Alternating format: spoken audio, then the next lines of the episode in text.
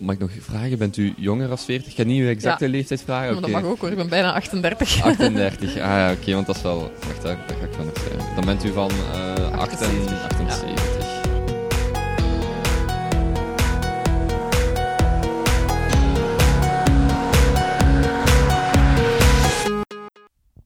Karen Boers. De aller, allereerste vrouw die ik interview. En ook het allereerste interview met een vrouw dat ik publiceer. Ah ja.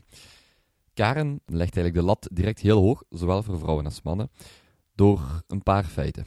Ze praat enorm vlot, heeft haar hart op haar tong en deinst eigenlijk niet terug om, om, ja, om een uitspraak te doen. Niet dat ze zoveel gekke dingen zegt in het interview, vind ik toch niet. Ze vertelt wel heel open en bloot over haar eigen situatie, haar eigen ehm, tekortkomingen zou ik het niet noemen, maar haar eigen werkpunten en hoe zij soms dingen riskeert of op het spel zet. Misschien terwijl dat, dat niet helemaal nodig is of toch ehm, een zwaar risico is, om dan uiteindelijk haar doel te bereiken. Karen begon bij iMinds, startte vandaar op startups.be, werkt aan windmolens, is getrouwd met een bio-ingenieur, heeft een gezin van vijf jonge kinderen, doet consultancy, spreekt op evenementen, als, zowel als, als panellid, als eh, spreker of zit in het publiek. Karen doet enorm veel verschillende dingen en dat eigenlijk allemaal vanuit een gedecentraliseerd kantoor. En dat is ook exact wat je gaat horen. Tijdens het interview, we hebben dit opgenomen in een, ehm, in een café in Gent, hoor je cappuccino's en stem op de achtergrond. Nu, ik moet zelf zeggen, ik vind dat het nog vrij goed en vrij aanvaardbaar is, maar eh, er zijn een aantal momenten waarop de stomer aangaat en dan is het net even iets moeilijker. Maar ehm, ja, ik kan eigenlijk maar alleen tevreden zijn met dit gesprek, in de zin dat eh, Karen heel vlot spreekt, alle vragen uitvoerig beantwoordt en ja... Ik hoop dat jullie er evenveel van genieten als ik. Karen zit op Twitter, at Karen Boers. Eh, ja, dat, is het. En de website, karenboers.be. Ehm, laat daar zeker iets weten. En voor iedereen die binnen tech- en start-up gebied actief is, die gaat sowieso met Karen Boers ooit in contact komen. Iedereen die dat niet is, wel het gesprek begint met start-ups en haar, ehm, haar verhaal en de manier waarop zij dit heeft opgezet. Maar geleidelijk aan gaan we ook over in, in de kracht van falen in fouten maken. En we sluiten af en niet een klein deel van het gesprek gaat over de opvoeding van haar kinderen en hoe zij eigenlijk haar professionele ervaring implementeert in haar leven en naar haar gezinsleven toe. Dus eh, het gaat zeker en alleen niet over tech, maar ja, eigenlijk over de persoon Karen Boers op dit moment, eh, in deze fase van haar leven, met alle ervaring die ze heeft en waar ze nog naar uitkijkt. Heel veel plezier. Ik had heel veel genot tijdens dit interview. Ehm, Karen is een zeer vlotte spreekster. En, wel ja, zoek het maar zelf uit. Hier is Karen Boers. Karen Boers, Ja? allereerste vrouw die ik interview. Ehm, ik zei het u daarnet al, ik vind het super tof dat u tijd vrijmaakt eh voor mij om hier ook over uw leven, start-ups te praten, over de dingen die u bezighouden. Ehm, allereerst misschien vragen voor degenen die eh, Karen Boers nog niet kennen als persoon. Waar komt u met de gewone Belg, of waar komt de gewone Belg met u in contact? Goh, dat is een moeilijke vraag. ik denk het eh, eerste contactpunt tegenwoordig is vooral online, via Twitter, via LinkedIn. Er zijn er heel veel mensen die, die, die mij aanspreken. Of eh, ja, op evenementen waar het over start-ups gaat, ben ik ook heel vaak aanwezig als spreker, als panelid, als jurylid of gewoon in het publiek. Ehm, en, en dat is eigenlijk de meest efficiënte manier, merk ik, voor mensen die mij nog niet kennen om tot bij mij te geraken. Mhm. We gaan een, groot, een groot deel van dit gesprek over start-ups praten, over uw, uw passie, als ik dat zo mag noemen. Ehm, maar eerst even teruggaan. U bent licentiaat Germaanse filosofie. En wij zitten hier om over start-ups te babbelen, over Ja. een, een hoogtechnologische omgeving. Ehm, de 18-jarige zelf kiest dan om, om voor die opleiding te gaan. Wat dacht In u het begin toen? wist de 18-jarige nog niet zo goed wat ze wou doen. Ehm, maar dat ik in de start-up wereld terechtgekomen ben, heeft eigenlijk ook meer een accident de parcours dan een, dan een passie voor start-ups. Om, klinkt misschien een beetje raar, maar ja, ik, heb een wiskundige vader en een eh, moeder die Germaniste was, eh, voor ze lang geleden gestorven is. Dus in mijn gewoon schoolparcours heb ik eigenlijk gewoon mijn roots gevolgd. Ik heb eerst wetenschappen wiskunde gedaan, besloten dat dat toch niet helemaal was wat ik wou. Dan maar Germaanse geprobeerd in navolging van mijn moeder. Ehm ontdekte dat ik daar vooral eigenlijk graag met mensen bezig was en dus lerarenopleiding gedaan. Ehm, maar dan schrik gekregen van de 40 jaar altijd maar hetzelfde carrière. Met al respect voor leerkrachten, ik vind dat die fantastisch werk leveren nog altijd. Maar ik zag het me niet doen, 40 jaar voor de klas, elk jaar opnieuw hetzelfde doen. Ehm, en dan ben ik eigenlijk uh, op het moment dat de Twin Towers naar beneden kwamen, ben ik afgestudeerd. Dus dat was een beetje een moeilijke periode om werk te vinden. Ben ik eerst in de HR gerold, uh, de interim sector drie jaar gewerkt.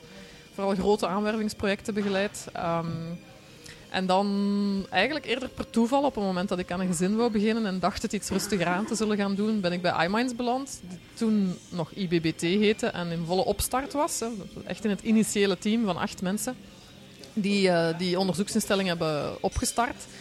Uh, daar was ik aanvankelijk de management assistant, dus een beetje het manusje van alles. Hè. Ik deed communicatie, maar ik deed ook HR, ik deed ook de receptie, ik deed de, de boekhouding, een beetje van alles. Um, maar ja, al heel snel eigenlijk gaan toeleggen op marketing en communicatie en dan uiteindelijk marketing en communicatiedepartement acht jaar lang uitgebouwd. Um, bij iMinds. Bij iMinds, En voor ja. degenen die iMinds niet kennen, uh, wat doet iMinds precies? iMinds is een, wat ze dat noemen, een software-innovatie-instelling. Eigenlijk een, uh, een, een, onderzoekscentrum dat alle Vlaamse universitaire onderzoeksgroepen bij elkaar brengt die bezig zijn met de software van morgen, zeg maar. En dat eigenlijk niet alleen ingenieurs uh, in, in de koepel heeft, maar ook heel veel mensen die bezig zijn met juridische aspecten die daar uh, aan verbonden zijn, met design, met usability en user interface design. Um, dus eigenlijk alle disciplines die in Vlaanderen aanwezig zijn bij elkaar brengt om tot goed werkende, nuttige softwareoplossingen te komen voor onze maatschappij van morgen. Maar door het feit dat die softwareontwikkeling zo dicht op de markt zit, dat het gaat zo snel in die softwarewereld, dat die instelling eigenlijk een heel, ander, uh, een heel andere richting uitgegaan is dan vergelijkbare instituten, zoals bijvoorbeeld IMEC, die meer op nanotechnologie, chiptechnologie werken, wat veel meer lange termijn onderzoek is, heel, heel erg basisonderzoek. Um, hetzelfde voor VIB, die in de biotechnologie zit, dus ook veel meer lange termijn roadmaps, fundamenteel onderzoek.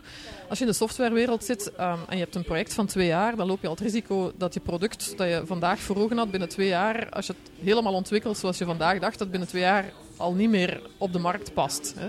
Dus dat moest heel, heel nauw met de mensen die ermee zouden gaan werken ontwikkeld worden. Er is eigenlijk een heel toegepast onderzoek uh, ontwikkeld, waarbij die universitaire onderzoekers heel erg uh, dagdagelijks samenwerken met bedrijven, maar ook met eindgebruikers van de producten die ze eigenlijk nog aan het ontwikkelen zijn. Dus om een voorbeeld te geven, als een, um, een project zich bevond in de gezondheidszorg, dan werd er samengewerkt met een, of nog steeds trouwens, met een ziekenhuis, met patiënten, met dokters, om eigenlijk van het eerste concept op papier uh, met die mensen te gaan bespreken. Is dit iets dat zou werken? Wat is jouw feedback daarop? Uh, moet dat er anders uitzien? Moet dat anders werken? Omdat heel vaak die onderzoekers te weinig kennis hebben van de context waar die, die toepassingen in gebruikt gaan worden. En daardoor mogelijk zonder die feedback dingen zouden ontwikkelen die eigenlijk niet, niet relevant zijn. En, en, die luxe heb je niet in de software. Om dan na twee jaar te ontdekken dat er nog een iteratie van een jaar nodig is, dan, dan, dan ben je te laat. Um, en, en hetzelfde met projecten in de media, hetzelfde met projecten uh, die naar educatie gericht zijn of naar, naar e-government gericht zijn. Eigenlijk altijd met de partijen aan tafel die daar uiteindelijk behoefte aan hebben en, en gebruik van gaan maken. En dat betekent natuurlijk dat uit die onderzoeksprojecten eigenlijk vrij um, bijna marktklare producten kwamen. Wat ons de verwachting gaf dat die producten ook vrij snel op de markt gebracht zouden worden. Zeker door de industriële partners waarmee samengewerkt werd. Um, maar in heel veel gevallen gebeurde dat niet tegen de verwachting in. Dat vonden we jammer, dat er dan zoveel geld en energie werd geïnvesteerd in een nieuwe uh, software-toepassing die dan blijkbaar niet tot op de markt geraakte. En dan zijn we eigenlijk begonnen met zelf training- en coachingprogramma's op te richten om die onderzoekers te helpen om die innovaties zelf naar de markt te brengen. Binnen iMinds dan? Binnen iMinds. Omdat toen, tien jaar geleden bijna, um, waren er eigenlijk nog niet zoveel van dat soort coaching- en, en begeleidingsprogramma's voorhanden. Sindsdien is er echt een boom ontstaan. Heel veel, gelukkig heel veel ondersteuning voor, uh, voor innovatieve en technologieondernemers. Um, en dat hebben we natuurlijk van bij iMinds uh, van, van heel nabij zien groeien. Daar waar onze ondernemers in het begin alleen bij ons terecht konden, konden ze acht jaar later uh, bij heel veel alternatieve programma's en organisaties terecht. En kreeg ik eigenlijk als marketingdirecteur meer en meer de vraag van onze ondernemers om hen een beetje te helpen weg, wegwijs maken in die wereld. vanuit, vanuit onze marketingprogrammatie kenden dan... wij de meeste wel. En dat zijn dan niet meer alleen de studenten aan de Nee, zeker niet. Nee, nee, nee, oké. Okay, dus dat zijn niet meer alleen de universitaire nee, dat zijn. PhD-studenten ja, heel vaak ja, binnen de uh, iMinds okay. context dan. Uh, dus dat waren no toch nog altijd, dus degenen die om meer raad kwamen vragen, waren wel nog, het al, nog altijd hetzelfde doelpubliek als diegenen die origineel wel, van iMinds. Ja, ja. Maar vrij snel, om, ja, om die investering ook iets rendabeler te maken. Het gaat tenslotte om belastingsgeld in de context van, van iMinds. Dat is uh, geld van de Vlaamse regering. Um, om, om dat geld, die investering rendabeler te maken en vooral omdat het aan, de aantal onderzoekers onderzoekers die uit die onderzoeksprogramma's uitstroomden om, om effectief het ondernemerschapspad te kiezen, die aantallen waren ook niet zo hoog. Hè. Uh, hebben, we, hebben we dat wel vrij snel opengetrokken naar andere innovatieve technologieondernemers uh, die daar ook gebruik van konden maken. Zoals? Uh, ja, bedrijfjes van buitenaf. Bijvoorbeeld uh, Candid Media is een bedrijf dat ontstaan is uh, eerder vanuit een, een, een, groepje die binnen de VRT onderzoek had gedaan. ook samen met iMinds onderzoek had gedaan. Maar die eigenlijk meer vanuit die hoek verzelfstandigd is tot een eigen bedrijfje. Een bedrijfje als Carambla, ondertussen ter ziele gegaan. Maar eigenlijk een alternatief voor Uber. Um, dat, hier, dat hier in Vlaanderen ontstaan was. was ook een team dat niet uit de, uit de iMinds onderzoeksgroepen kwam. Maar, maar zelf met een idee is gekomen. Maar wel begeleiding heeft gebruikt van iMinds om te proberen dat idee naar de markt te brengen. Maar die zijn natuurlijk vooral tegen uh, weerstand in de wetgeving opgelopen. Dus het ligt ook niet altijd aan de ondernemer als het niet lukt.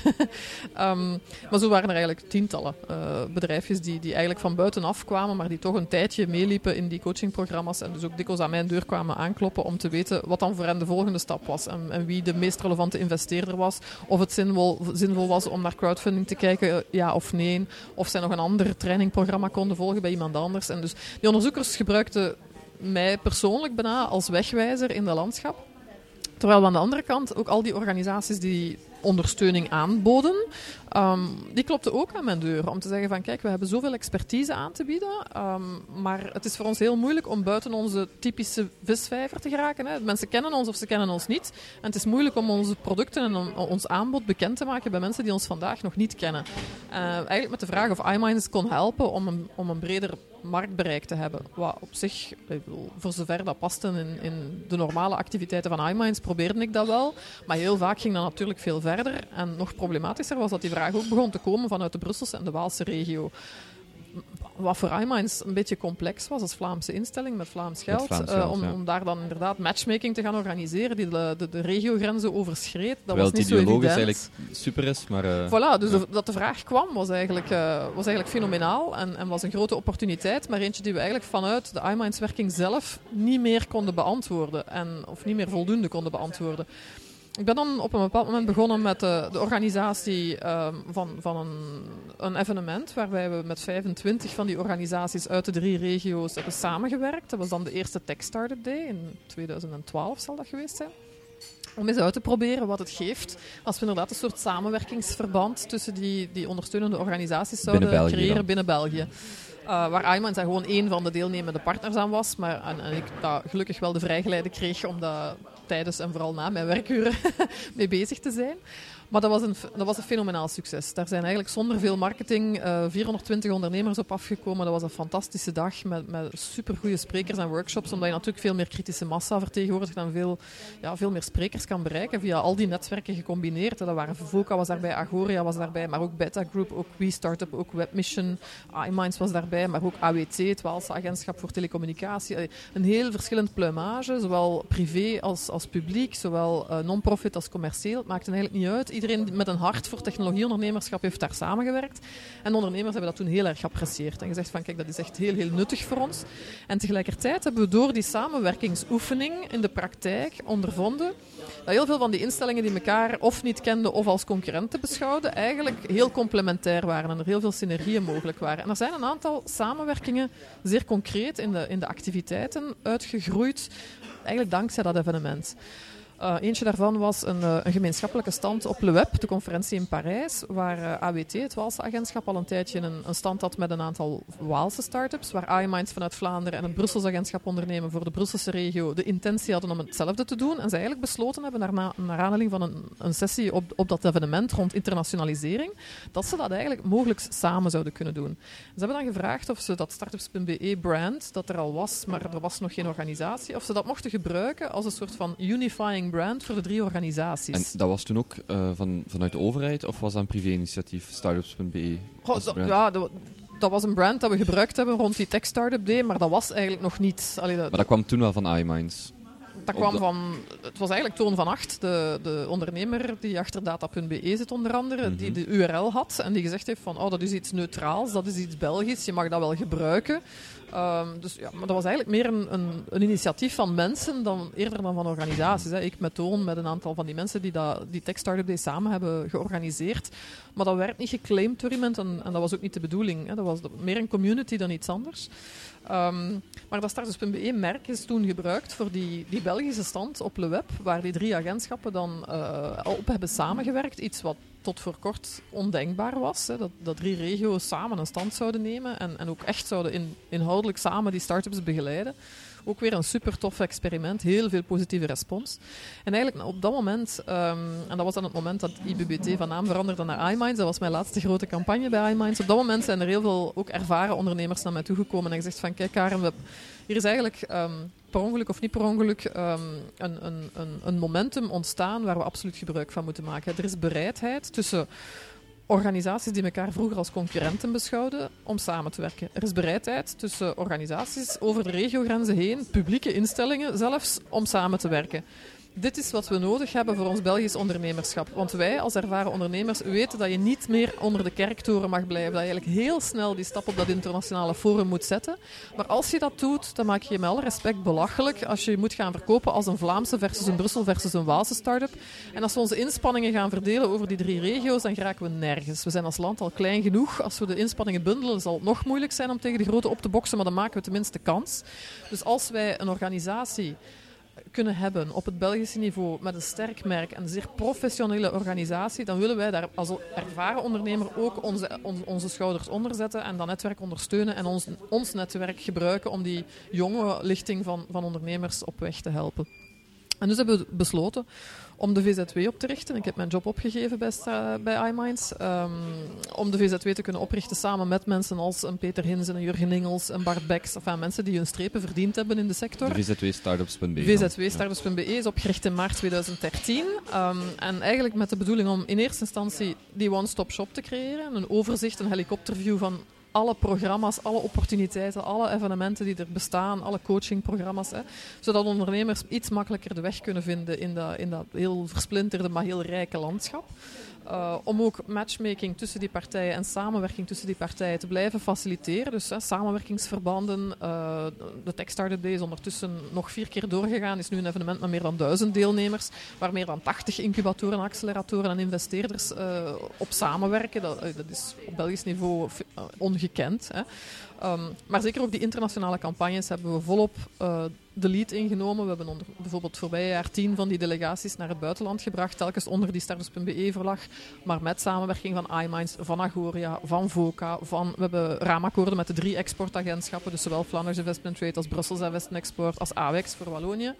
Um, en, en, dat is eigenlijk de kracht van Startups.be. Dat, zet, dat maakt niet iets nieuws naast alles wat er al bestaat. Dat brengt eigenlijk alles wat er is samen en maakt dat slagkrachtiger door de complementariteit en de synergie te gebruiken en alleen de gaatjes te vullen waar dat nog nodig is. Um, en, en, en, dat heeft eigenlijk heel erg gewerkt de voorbije drie jaar.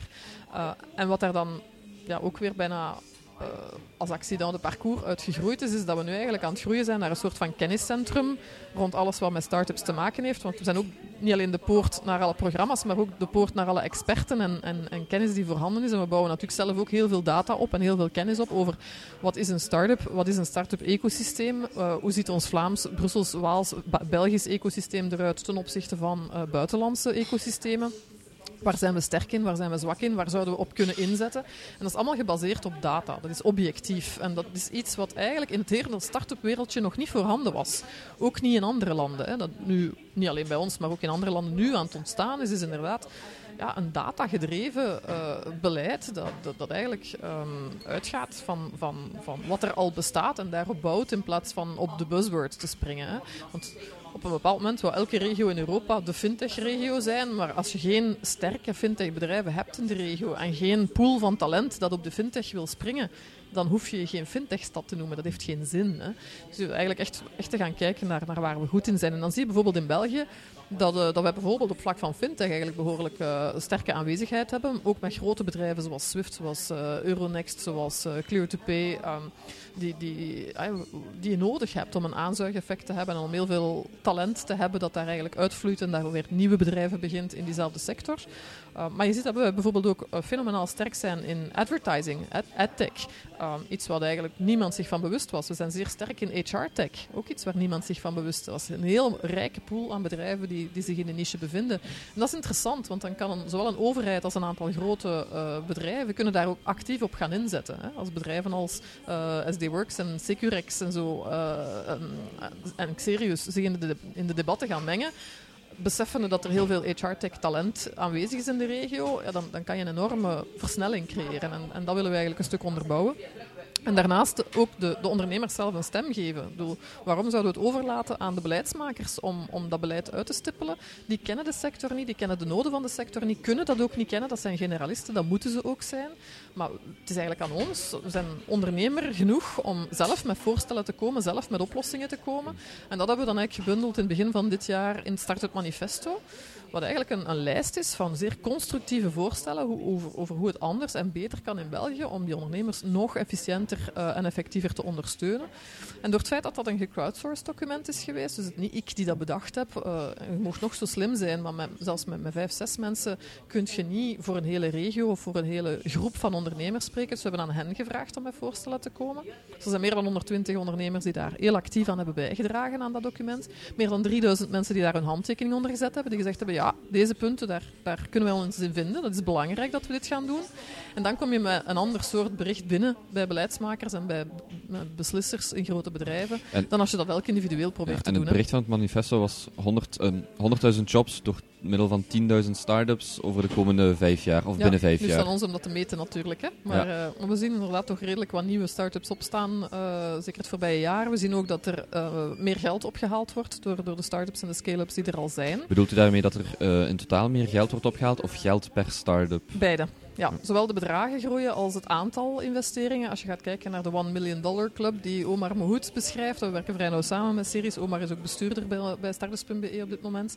Um, als je gaat kijken naar, naar, zijn One Million Dollar Club, dan zie je niet alleen een, een, langere lijst van bedrijven in 2015 dan in 2014, bijna een verdubbeling op dit moment al. Hè. Uh, maar dan zie je ook dat de bedragen uh, anderhalf tot twee keer groter zijn gemiddeld genomen dan, dan vorig jaar. Dus, dus het gaat goed op alle fronten. We mogen, we mogen ja, dat is in twee richtingen een goede, ja, een goede ja. Evolutie. Ja, absoluut. Um, de echt grote investeringen blijven nog een beetje achter. Er is één bedrijf dat dit jaar 60 miljoen heeft opgehaald, maar al de rest zit eigenlijk tussen, tussen het miljoen en de 2 miljoen bijna. Mm -hmm. um, dus we hebben wel nog nood aan echt, echt groeikapitaal. Maar dat is iets waar bijvoorbeeld de overheid zich heel erg bewust van is. En, en er zijn een aantal fondsen aan het opstaan en aan, aan, aan, in ontwikkeling die daar een antwoord gaan proberen op te bieden. Maar dat is dan weer iets dat waarschijnlijk zich op het Europese niveau gaat moeten afspelen. Om te zorgen dat we in Europa minstens een 10, 15 tal zeer sterke durfkapitaalfondsen krijgen voor, uh, voor, voor, het echte doorgroeien. Hè. Die, die 15, 20, 50 miljoen op tafel kunnen leggen uh, om een bedrijf echt die internationale sprong te laten maken. U zegt net, uh, of, of, u zegt meermaals we, hoe groot is het team van startups op dit ah. moment? op dit moment zijn we met 10. Dat is al niet meer zo weinig. Is 10 voltijdse? 10 voltijdse, ja. Oh, okay. Enfin, acht, acht voltijdsen op de payroll en twee stagiairs, maar dat zijn internationale stagiairs die een heel jaar blijven. Dus in principe... En jullie hoofdzetel is in Brussel dan ook? Uh, nog niet, maar dat gaat snel veranderen. Ja. Uh, onze hoofdzetel was in de start-up garage van iMinds. We zijn toen dicht bij de stal gebleven. Um, maar ondertussen zijn we denk ik te groot geworden om, uh, om nog in één regio een, een, zetel te kunnen hebben. Dus we gaan de hoofdzetel naar Brussel verhuizen. maar we hebben sowieso satellietkantoren quasi in alle provincies. Um, we worden gehost eigenlijk door alle incubatoren en acceleratoren zowat in het land die, die in het netwerk actief zijn. we hebben ook fysiek mensen zitten. het is een virtueel team. We hebben zelf geen kantoor, nog steeds. Uh, dus iedereen werkt of van thuis of vanuit de dichtstbijzijnde uh, plek. Of hier vanuit een café. Of vanuit een café, dat gebeurt ja. ook heel vaak. we vergaderen ook op allerlei andere plekken en dat werkt voorlopig. Dus we zijn bootstrapped. We geven geen geld aan een kantoor als we dat niet nodig hebben. We willen het geld geven aan, aan activiteiten voor de start-ups. Um, en alle overbodige luxe wordt weggesneden. mm -hmm. um, u komt heel veel in contact met start-ups. hoe onderscheidt volgens u een levensvatbare start-up zich van een andere? Um, er zijn twee elementen die voor mij heel belangrijk zijn. Eén is marktvalidatie. Dus een, een levensvatbare start-up is er eentje die elke dag opnieuw praat met zijn klanten en zijn potentiële klanten. En een heel goed besef heeft van wat die dat mensen... is dan marktvalidatie. Ab- want- ja, en, en verkoop is natuurlijk de ultieme marktvalidatie. Hè. Hoe sneller de verkoop komt, hoe beter. Maar ik raad eigenlijk aan om, om start-ups al te laten praten met hun klanten nog voor ze zelfs een product in de pipeline hebben zitten. Ze moeten eigenlijk echt wel weten van dat idee dat ik in mijn hoofd heb, is zit, zit daar iemand op te wachten? Los ik een effectief probleem op? En zijn die ook bereid om daarvoor te betalen? Want dat heb ik zelf dan met een starters.be ondervonden in de eerste twee jaar. Was dat niet zo evident. Iedereen schreeuwde om die oplossing, maar niemand was bereid om daar ook voor te betalen. Startups kunnen dat niet betalen. Al die andere eh, waren toch, die incubatoren, acceleratoren, investeerders waren toch ook een beetje afwachtend. We hebben een heel klein beetje geld, een duizend euro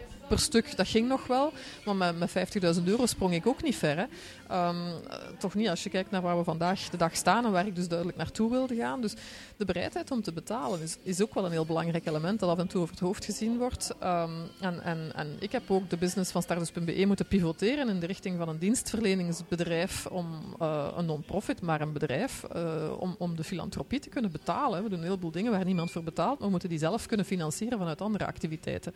En, en vandaar dat eh, ondernemers zeker aanraad om zo, zo snel mogelijk en zoveel mogelijk met klanten te praten. Uh, heel vaak zijn bedrijven trouwens ook bereid om, om al een contract te tekenen nog voor het product er is. Als er voldoende geloof is in het kunnen van het team om het ook te gaan realiseren, zijn die bereid om een soort vooraankoop te doen.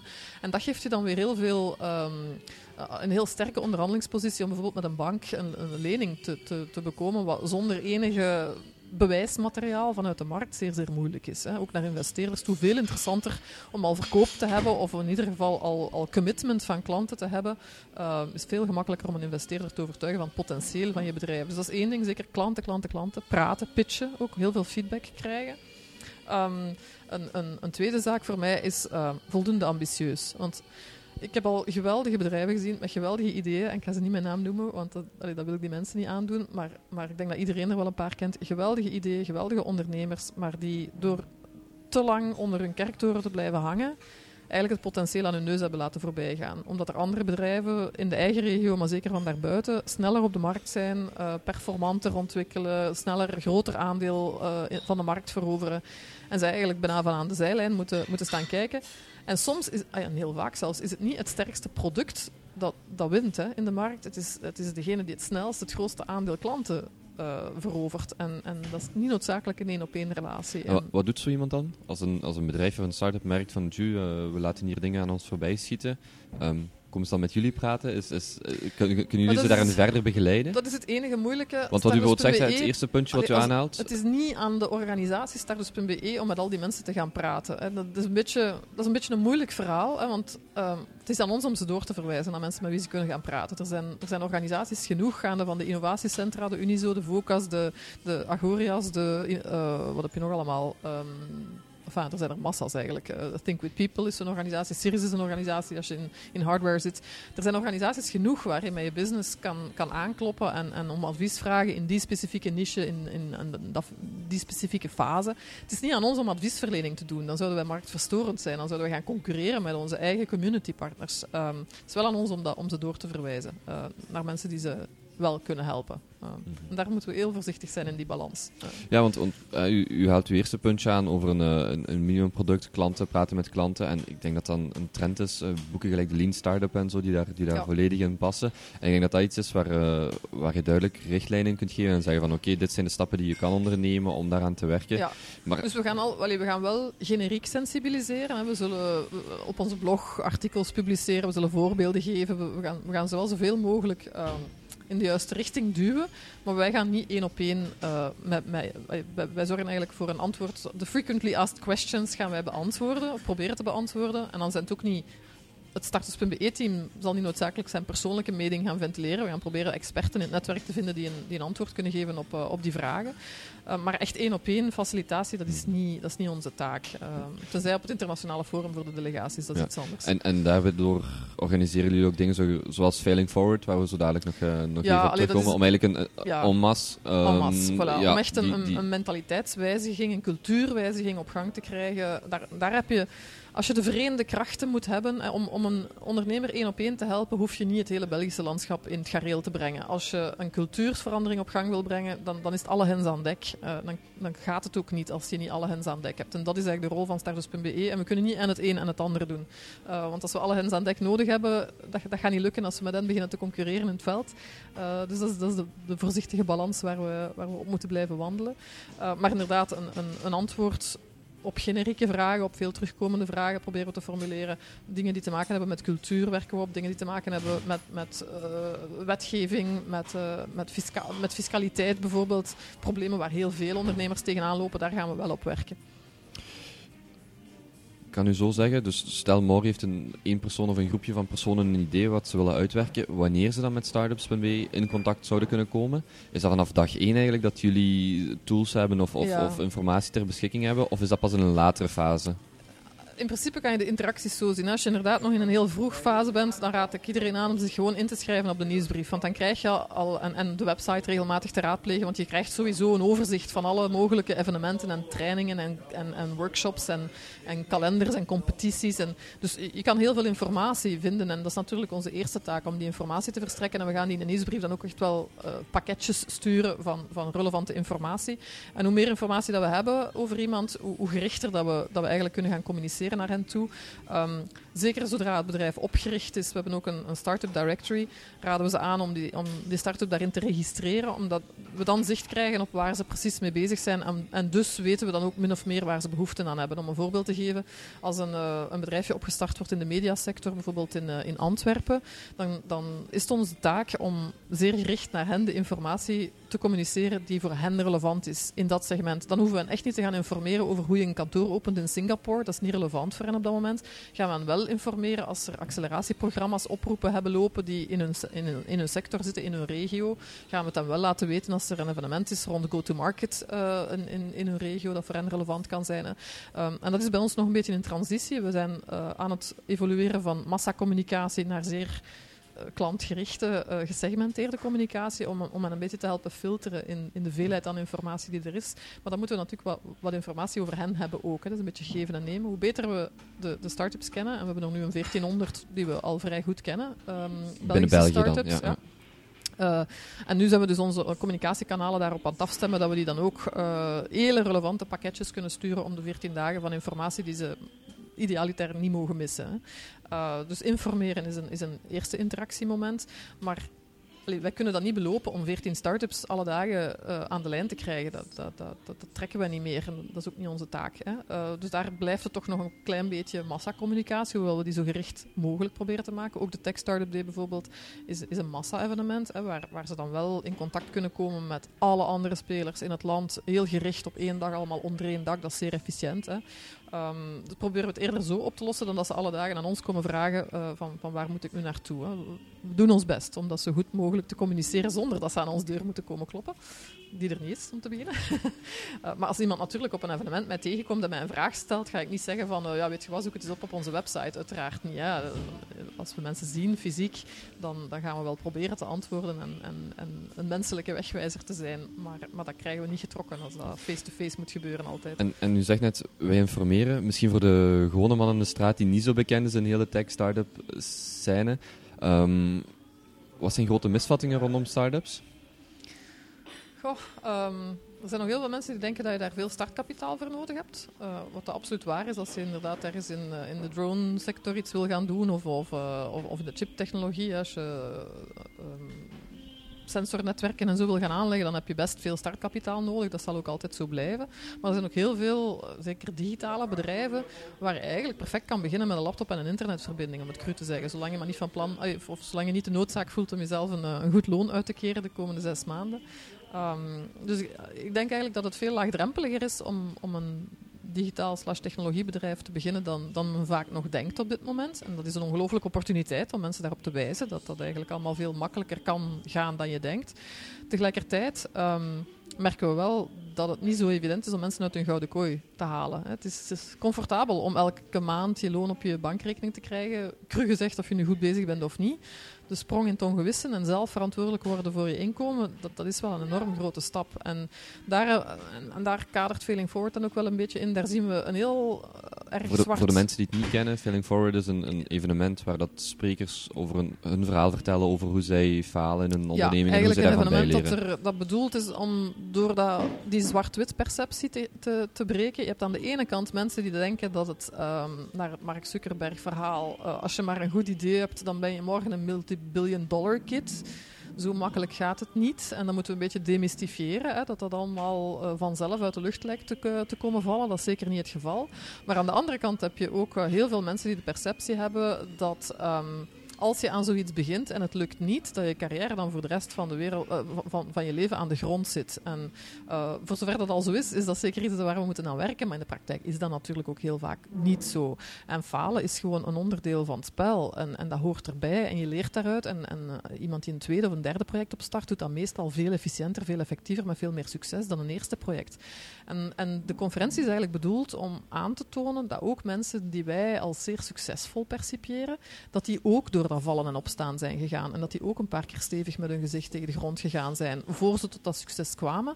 En nog beter, dat ze dat hebben nodig gehad om tot succes te komen. Er is geen succes zonder falen. En falen komt natuurlijk in heel veel vormen. Hè. Dat kan een project zijn dat niet geslaagd is, dat kan een product zijn dat gefaald is, dat kan een bedrijf zijn dat gefaald is, waar je de boeken hebt moeten neerleggen in alle properheid. En dat kan echt een faillissement zijn of, of, een, of een gigantisch juridisch proces. Ehm, eh, de, la- de laatste conferentie hadden we eh, Paul Houspie. Ehm, die gaat wel de rest van zijn leven boeten voor de fouten die hij gemaakt heeft, maar die heeft dan ook eerlijk toegegeven dat hij zijn ego voor het maatschappelijk belang heeft geplaatst en voor het belang van zijn werknemers en zijn investeerders en dat hij daar zwaar in de fout gegaan is. Ik bedoel, dat zijn geen dingen die je onbewust doet, hè, bij wijze van spreken. Dus oké, mensen die echt grove fouten maken, die moeten daar uiteraard ook voor boeten.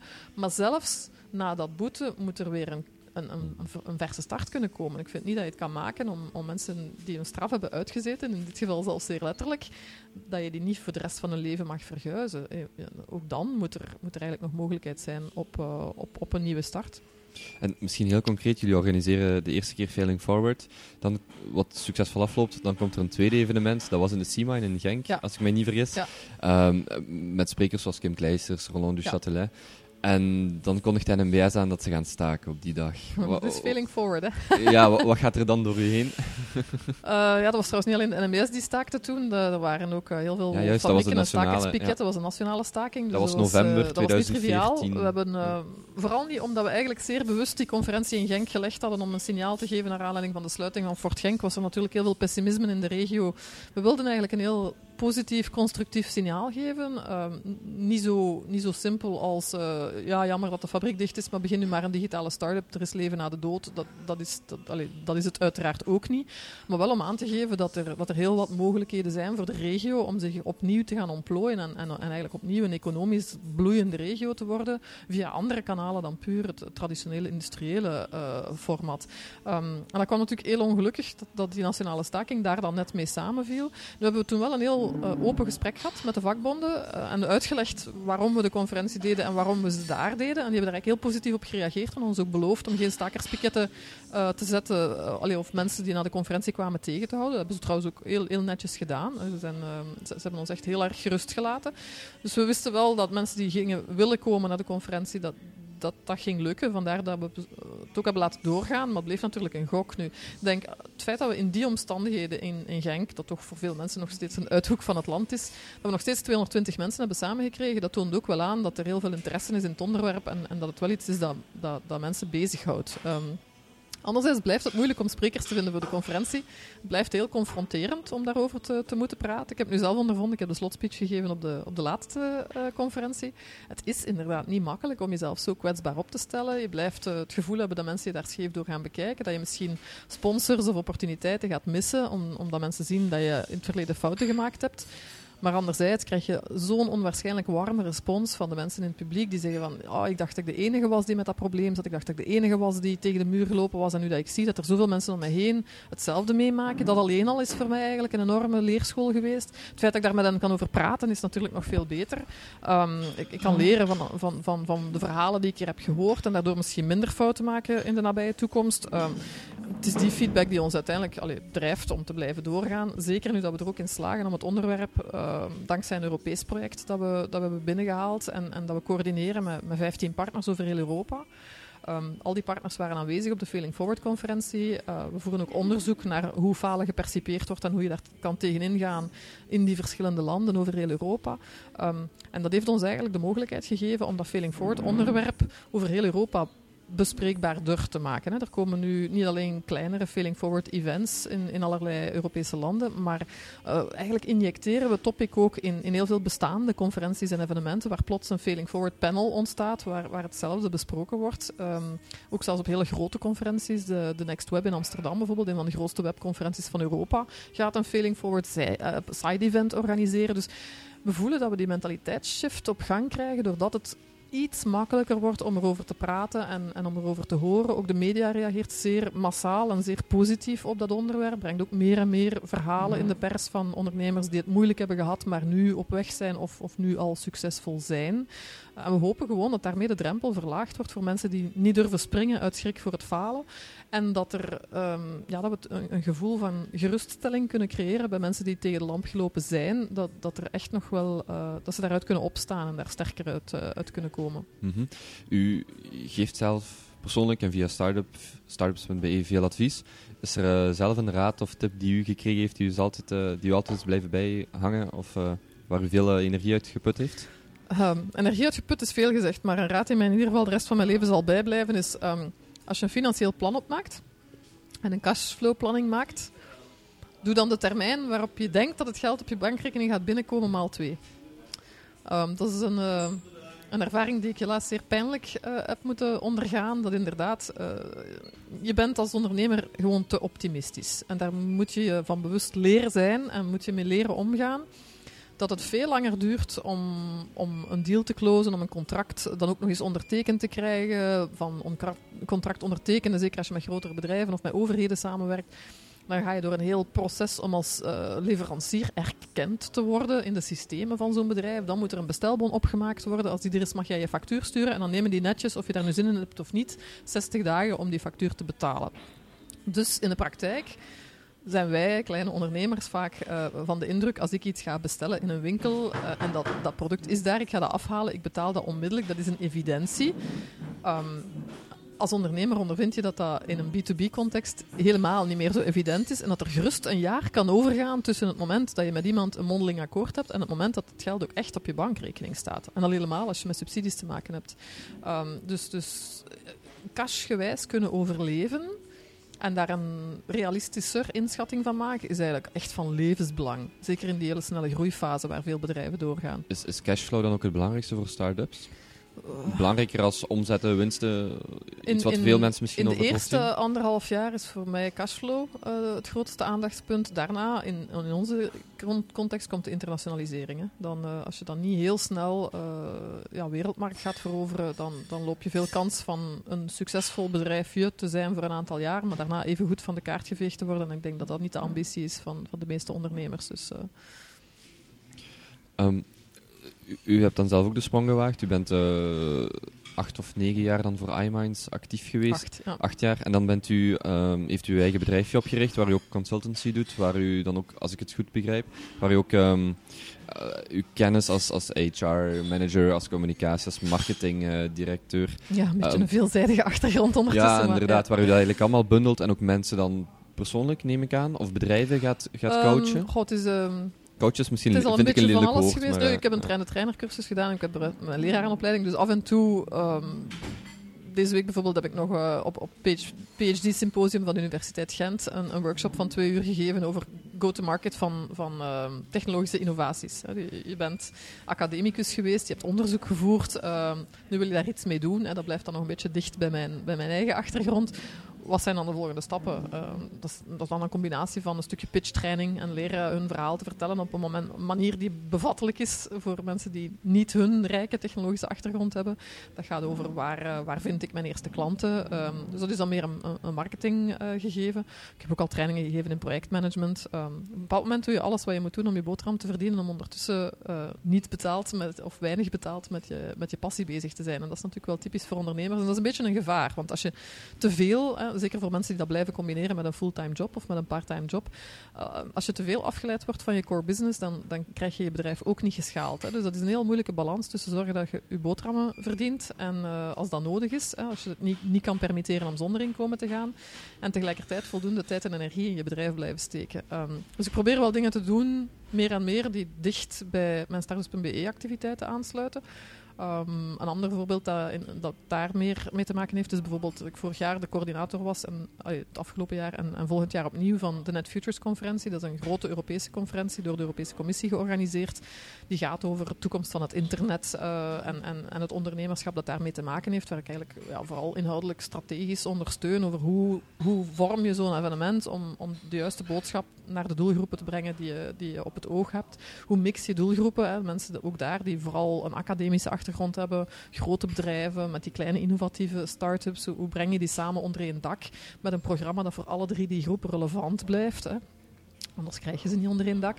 Hoe kan je activiteiten organiseren waardoor die ook echt met elkaar gaan mixen in plaats van gewoon parallel in hetzelfde gebouw aanwezig te zijn, om daarover na te denken uh, en dat dan ook te helpen implementeren. Dat zijn ook opdrachten die, die, die ik heel graag aanneem.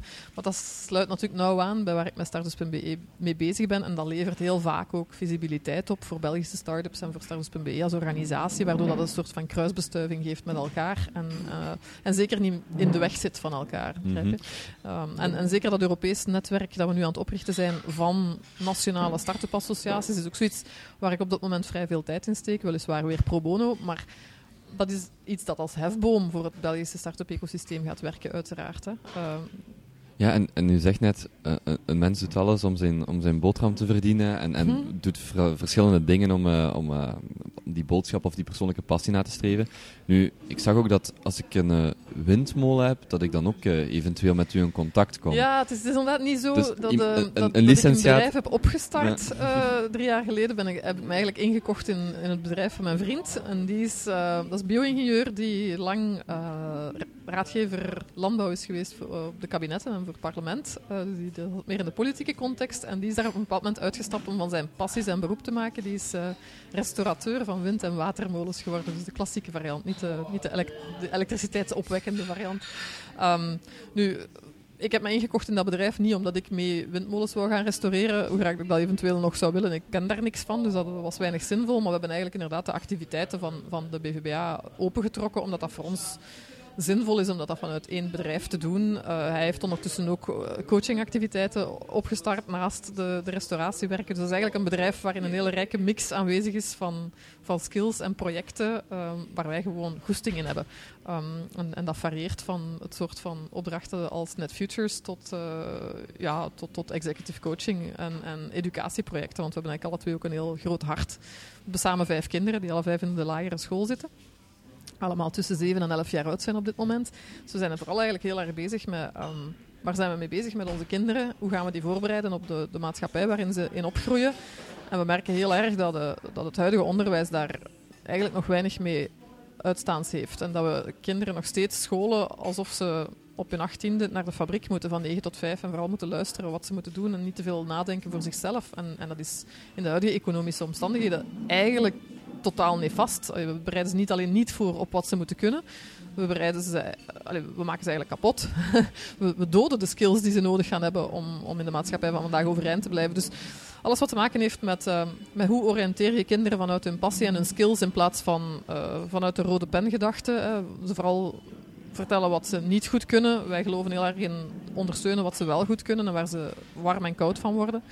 Uh, wij geloven heel erg in, in het ontwikkelen van creativiteit, flexibiliteit, ondernemerschap. Eerder dan ze hele geschiedenisboeken van buiten te laten leren nog steeds. Uh, en dat is eigenlijk iets waar we ook projecten rond aan het opstarten zijn van, vanuit datzelfde bedrijf. Dus het is, het is gewoon een, een koepel BVBA voor alles wat Dirk en Karen passioneert. Ja, want, ja, want ik wou net zeggen, als ik dan uw profiel bekijk, licentiaat Germaanse filosofie, u, u werkt heel veel rond startups, u doet een deel consultancy, u bent uh, in de HR, in marketing en zo.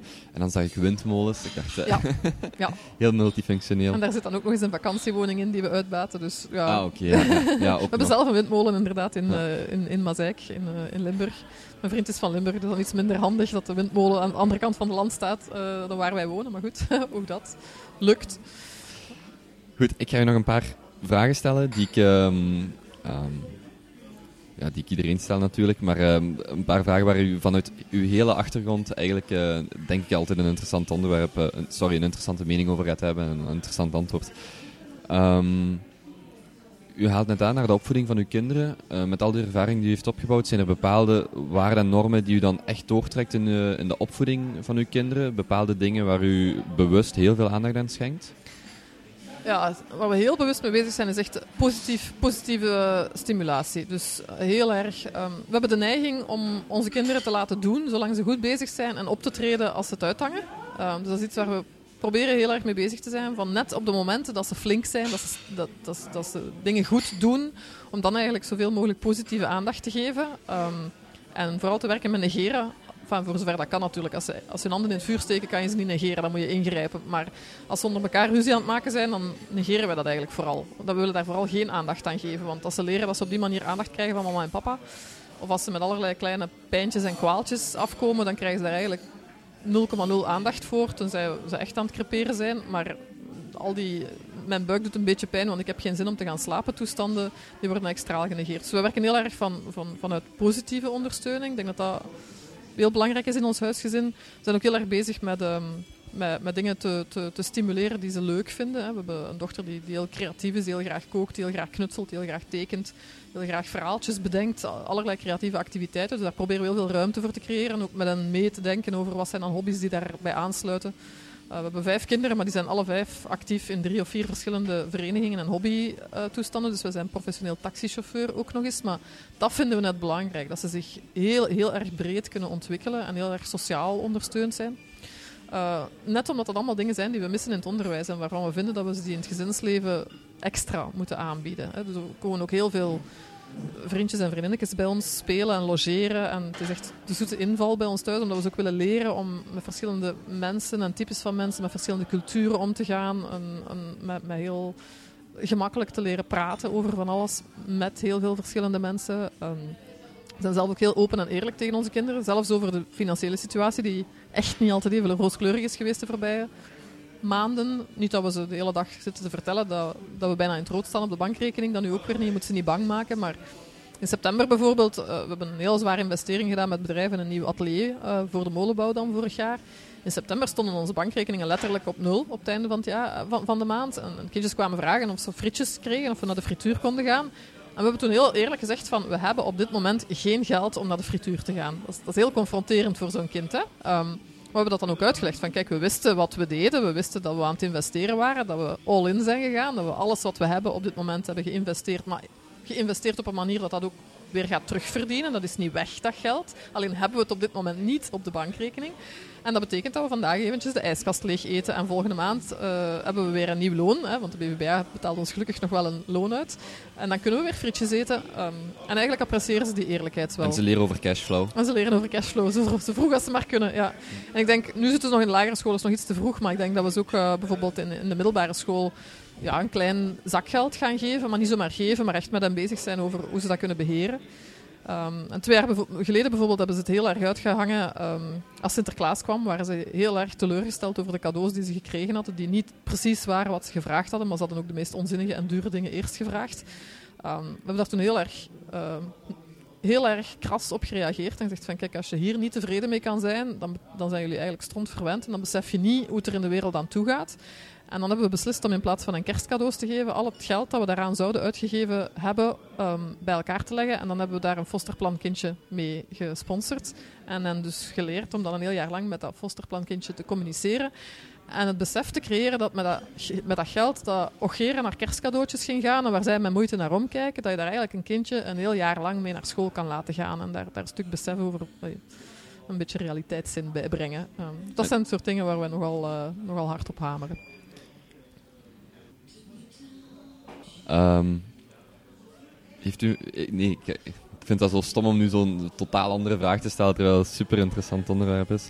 Um, merkt u de, de, de evolutie dan bij uw kinderen over, over zo'n fosterplan kindje bijvoorbeeld, de impact ja, daarvan? Ja, ja. bijvoorbeeld... Um, dit jaar, heel specifiek, wou mijn vriend graag een, een hondje, een puppy, een golden retriever in huis halen. En we wilden dat eigenlijk wel graag, om, zeker omdat we toch nog relatief jonge kinderen hebben, een, een, een hondje dat van een goed nest kwam, dat echt een rashondje was. Ehm, eh, dat we er vrij gerust in konden zijn, dat dat ook qua karakter niet door verkeerde bastaardvermengingen eigenlijk uh, mis ging lopen. Maar dat kost uiteindelijk vrij veel geld. Als je bij zo'n kweker zo'n puppy gaat kopen, dat is van 800 euro plus inentingen en, enzovoort enzovoort. Dus dat is vrij veel geld. en mijn vriend had zelf al gezegd van kijk, ik ga mijn verjaardagscadeaus van, van vorig jaar al, want hij was al aan het sparen, en dit jaar daaraan opofferen. En de kindjes zijn dan ook heel bewust begonnen met te zeggen van ja, het is inderdaad wel duur en we willen dat hondje ook wel heel graag. Um, dus dan, dan hoef je ook dit of dat niet voor ons te kopen, leg dat geld maar bij aan het hondje. Dus ze zijn daar eigenlijk zelf spontaan mee aan komen zetten, hoewel we daar eigenlijk niet om gevraagd hadden om, om te beseffen van als we iets willen, dan moeten we bereid zijn om daar andere dingen voor te laten. En dan gaan we eens niet uh, met z'n allen naar de pizzeria, of dan gaan we eens niet een, een extra gezelschapsspel kopen, of naar uh, een binnenspeeltuin of naar een pretpark gaan. Dan laten we dat liever in functie van het hondje dat we eigenlijk veel liever willen hebben. En dat vond ik toch wel een heel, een, allez, een heel kenmerkend, uh, kenmerkende evolutie. toont aan dat, dat doorgedrongen is dat je keuzes moet kunnen maken in het leven. Uh, dat je een beetje flexibel moet kunnen zijn. Denkt u dat u die aanpak die u in uw opvoeding uh, gebruikt, ook kan doortrekken naar volwassen mensen? Ja, absoluut. Uh, en je hebt me ook niet horen zeggen dat wij geen fouten maken, hè. integendeel. het gaat er nog af en toe heel hectisch aan toe en, en ze luisteren ook nog altijd niet naar, naar, de basisregels die er zijn. Maar um, ja, ik denk absoluut dat hetzelfde geldt voor, voor de mensen om je heen. Ik heb ooit eens ergens een artikel gelezen dat, dat zei dat elke mens, jong of oud, zeven knuffels per dag nodig heeft. Uh, en knuffels in de letterlijke zin, maar ook in de figuurlijke zin, eigenlijk zeven keer positief bevestigd moet worden op een dag om gelukkig te kunnen zijn. En dat is iets waar ik bijvoorbeeld in mijn professionele carrière ook, ook probeer aandacht voor te hebben voor de mensen om mij heen, of die nu in mijn team werken of, of, of uh, direct collega's zijn of zelfs mijn overste zijn om ook daar er bewust van te zijn dat, dat die ook af en toe een aike over een bolletje nodig hebben, bij wijze van spreken. En, en, en ook daar heel veel positief te stimuleren. Het te zeggen als je blij bent met iets, dat iets goed gegaan is, als, iets, als, je, als je positieve feedback hebt gehoord van andere mensen, om dat ook door te geven.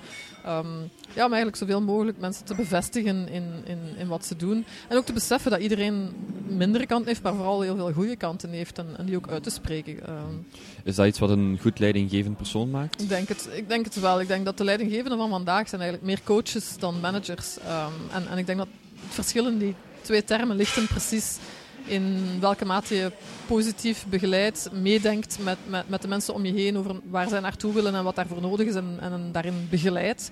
Um, en ik, ik vind een goede leidinggevende eigenlijk bijna meer een raadgever dan, dan, dan iemand die de lakens uitdeelt. Ja. Aan wie denkt u bij het woord succesvol? Oh, een goede vraag. um, ik, ik vind het heel moeilijk om daar met één naam op te antwoorden. Ik bedoel, ik, ik ken kleuterjuffen waar ik met onwaarschijnlijk veel ontzag naar gekeken heb. Uh, de manier waarop die met onze kinderen omgingen, waar ik echt van achterover sloeg. Welk, positief klimaat die voor die kinderen creëerde. Um, mijn zoontje bijvoorbeeld is in, de derde kleuterklas getest, om, omdat hij af en toe, als er dan zo testjes werden afgenomen, helemaal blokkeerden. En daar hebben ze ons gewaarschuwd voor het feit dat, dat hij dus in, in, in zijn in zijn zijn een verschil had tussen zijn IQ en, en, en dan de competentie om tot handelen te komen. Wat af en toe dus betekent dat hij in zijn hoofd weet hoe het moet, maar het niet kan uitvoeren en daardoor zeer gefrustreerd geraakt. Um, maar ik merk heel goed dat de leerkrachten, zowel in, in het kleuteronderwijs als in de lagere school waar hij nu zit, daar perfect op inspelen en de context voor hem creëren die hij nodig heeft om tot rust te komen en wel degelijk tot handelen te komen. En in een andere context, als iemand heel directief zou zijn en, en, zou zeggen van je gaat nu op je stoel zitten en je doet wat ik zeg als ik het zeg, omdat ik het zeg, dat zou bij hem helemaal niet werken. En dus ik heb heel veel ontzag, voor, niet alleen voor grote bedrijfsleiders, en zo zijn er ook een aantal uh, perfecte bedenken. Hè. Ik denk, denk wat Roland Duchatelet bijvoorbeeld heeft, heeft bereikt op heel veel gebieden. Um, uh, heel indrukwekkend is. Ik denk dat wat Jeff Colruyt heeft bereikt met zijn bedrijf ook heel indrukwekkend is. Als je zegt van welk bedrijf kijk ik naar op, en ik denk, um, dan, dan vind ik bijvoorbeeld eh, de verschillende aanpak, maar even succesvol, van de Colruyt en de Deleuze heel tekenend. In de zin dat zijn twee bedrijven die heel goed begrepen hebben wat hun klanten bij hen komen zoeken. Die ook heel bewust een verschillend doelpubliek aanspreken. De Colruyt richt zich heel duidelijk tot mensen die het financieel vooral op de financiële eh, krapte eh, spelen, die, die, die op zoek zijn naar eh, de financieel meest interessante producten aan, aan de beste voorwaarden, die niet zozeer bezig zijn met winkelervaring of met exotische producten. Die willen eigenlijk gewoon standaard producten aan zo goedkoop mogelijke prijzen en zij richten een hele winkel en de manier waarop ze werken in om die ervaring te creëren, goedkope producten. Ze zijn niet bezig met inrichting en design, maar hebben tegelijkertijd onwaarschijnlijk vriendelijke mensen in dienst, die, die, die helemaal niet neerbuigend zijn of wat dan ook. De lijst richt zich heel duidelijk op een wat higher-end publiek, en dat mag, dat is perfect oké. Die richten zich wel op die winkelervaring. Ik, ik vind het zelf ook leuk om in een Deleuze rond te lopen. Je wordt daar geïnspireerd, je krijgt exotischer aanbod, je krijgt een veel breder aanbod, een veel duurder aanbod, maar dat is oké. Ik bedoel, je kiest daarvoor. Als ik in de Deleuze ga shoppen, dan is het omdat ik iets anders wil en omdat ik echt iets super lekker wil uitproberen. Als ik in de Colruyt ga shoppen, dan is het omdat ik voor mijn gezin, als wij met zeven zijn, het mij niet kan permitteren om het duurste merk van, van water en van, van melk te kopen. En dan ga ik daarvoor naar de Colruyt en dat is prima. Dus dat zijn twee bedrijven die dat heel erg goed begrepen hebben. En, uh, ja, en, en, en dat is een eigenschap die ik in heel veel mensen terugvind. Dat ze heel goed begrijpen met wie ze bezig zijn. Vandaar dat een kleuterjuf voor mij een even groot rolmodel kan zijn als die snapt hoe haar kindjes in elkaar zitten. En daarop kan inspelen en voor elk van die kindjes de juiste context kan creëren. Dat is iets fenomenaal. Ik vind dat iets geweldigs. -hmm. Heeft u een favoriete kunstvorm? Oeh, um, ja, ik ben Germanist, dus uh, literatuur is voor mij wel heel belangrijk. Uh, film ook theater ook wel, maar daar heb ik gewoon te weinig tijd voor. Uh, ja, een voorkeur ontwikkeld voor kunstvormen die ik van thuis kan consumeren als ik eens vijf minuten tijd heb en dat is zel zeldzaam. Dus. Over literatuur gesproken, een uh, boek dat u het meest aan anderen heeft gegeven? Ik weet niet of ik veel boeken heb uitgedeeld, maar boeken die bij ons regelmatig uitgeleend worden, dat loopt, dat loopt uiteen van, van de Twilight Saga uh, tot tot Gone with the Wind en, en Jane Austen uh, hebben we alles van in huis en, en Grijs gelezen. Dat is ook al heel vaak uitgeleend en weer teruggekomen. Heel gevarieerd, denk ik. Uh, van, van thrillers en zelfs echte pulpliteratuur tot, tot de wat zwaardere Dostoevsky-achtige dingen. Uh, we hebben eigenlijk alles in huis. Zowel fictie als non-fictie ja, ja.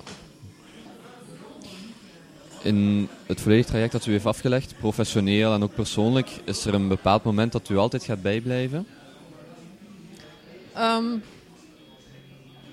ik denk het moment waar, uh, waarop ik na twee jaar Stardust.be echt wel zwart zaad zag. En het heel moeilijk had en met de pletter werkte om naast, naast het werk bij Stardust.be, waar ik nog altijd mijn brood niet mee verdiende. En ik ben 16 maanden zonder loon gegaan binnen, binnen Stardust.be om, om het te kunnen opstarten. Um, en op dat moment werkte ik echt wel 70 uur per week om het toch van de grond te krijgen. Want het moet en het zou lukken. En, en het is dan uiteindelijk ook wel gelukt. Um, maar op dat moment, op een bepaald moment is een van ons kindjes gezegd van... Mama, ik zie jou zo weinig de laatste tijd. En dan moet je weten dat ik zelf mijn moeder verloren heb toen ik 13 was. Het eigenlijk altijd heel belangrijk heb gevonden om er te zijn voor mijn kinderen. En, en dat is wel het moment waarop ik een mentale klik heb gemaakt en een, een, grens heb gesteld aan hoe ver mijn professionele passie, mijn privéleven mag binnendringen. Inclusief de, de, financiële onzekerheid. Ik stond op dat moment persoonlijk borg voor een lening voor starters.be. Mijn vriend was daar uh, absoluut niet aangenaam mee verrast. Um, ik heb dat ook zo snel mogelijk afgelost om, om dat soort van financieel zwaard niet over ons hoofd te hebben hangen, privé. Dat, eigenlijk is dat gewoon niet oké. Um, en, en ja, ik denk op het moment dat ik die grenzen voor mezelf heb getrokken en terug meer tijd en energie aan mijn gezin ben gaan besteden, is eigenlijk het moment dat ik mentaal rustiger ben geworden en daardoor ook geconcentreerder. En dat ik eigenlijk professioneel terug iets, dat het weer iets makkelijker is beginnen gaan. Dus ik heb toen beseft van, ten eerste komt succes niet alleen voor uit altijd maar harder werken. Je moet ook zorgen dat je performant blijft, dat je genoeg voor jezelf zorgt om, ja, om fris te zijn, om geconcentreerd te zijn, om de juiste dingen te doen en de juiste beslissingen te nemen. En tegelijkertijd, niks is het waard om als je morgen plots moet gaan, achter, achterom te moeten kijken en, en, spijt te hebben van dingen die je niet gedaan hebt, zeker met je eigen gezin. Dus, ja. Heeft u op dit moment ook de juiste balans gevonden? Of bent u nog, op weg naar werk de nog juiste... altijd heel, heel hard, maar um, wij halen onze kinderen wel altijd om vier uur van de schoolpoort. Um, dus wij maken tijd voor hen om huiswerk met hen te maken, met hen te eten. Uh, we brengen hen naar alle mogelijke hobby's, ook op woensdagnamiddag, ook op zaterdag, ook op zondag. Uh, dus wat dat betreft denk ik dat we wel, de, vanuit de, de, perceptie van het gezin, denk ik dat we de juiste balans gevonden hebben. Ik persoonlijk heb nog steeds geen tijd om echt tot rust te komen, om te ontspannen, om naar de film te gaan, om in bad te gaan, om te sporten. En, en dat mis ik nog. Dus ik, ik moet zeker het aantal werkuren nog wat kunnen terugdringen, om weer iets meer uh, ja, persoonlijk leven te hebben. Ja, en er ook echt van te kunnen genieten. En er echt van te kunnen genieten, ja. Want af en toe denk ik wel van, waar ben ik mee bezig? Voor wie doe ik dit eigenlijk? want ik zelf word er niet altijd even vrolijk van. Maar het gaat in de goede richting. Goed, Karen, voordat ik u... Nee, ik ga u nu al hartelijk bedanken voor het aangename gesprek. Voordat we helemaal afron- afronden, waar kunnen mensen u vinden? Online, offline? Ik heb een website, karenboers.be. Er is uiteraard de startups.be website. Eh, via Twitter eh, heel makkelijk, ook at karenboers, kan maar zo simpel zijn. Ehm, en offline, daar waar mijn kinderen zijn of daar waar het werk mij brengt. Eh, ik spreek vrij veel tegenwoordig op, op evenementen, dus iedereen mag mij aanspreken als ze mij waar dan ook tegenkomen. Of het aan de schoolpoort is of, eh, of het is op een evenement, maakt niet uit. Eh, ik hoop dat ik laagdrempelig genoeg ben om, om gewoon niet bang te zijn.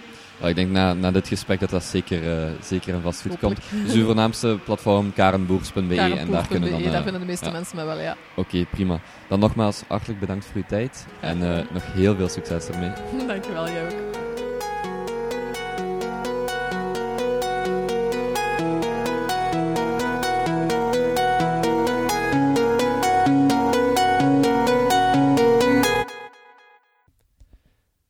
Ja, een hele boterham. Dit was het interview met Karen Boers. Check Karen Boers zeker via haar website, ehm, op Twitter, op LinkedIn.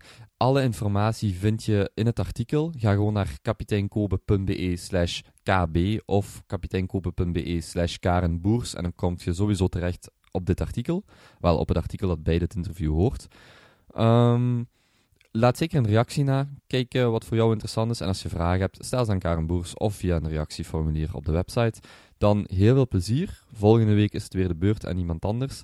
Maar eh, nogmaals, ik zei het in het begin van het interview, Karen was de allereerste vrouw. En ja, ik denk wel dat ik mag zeggen dat ze de lat enorm hoog legt. Ja, dat was het. Heel veel plezier, een fijne week en een mooie start in het nieuwe jaar.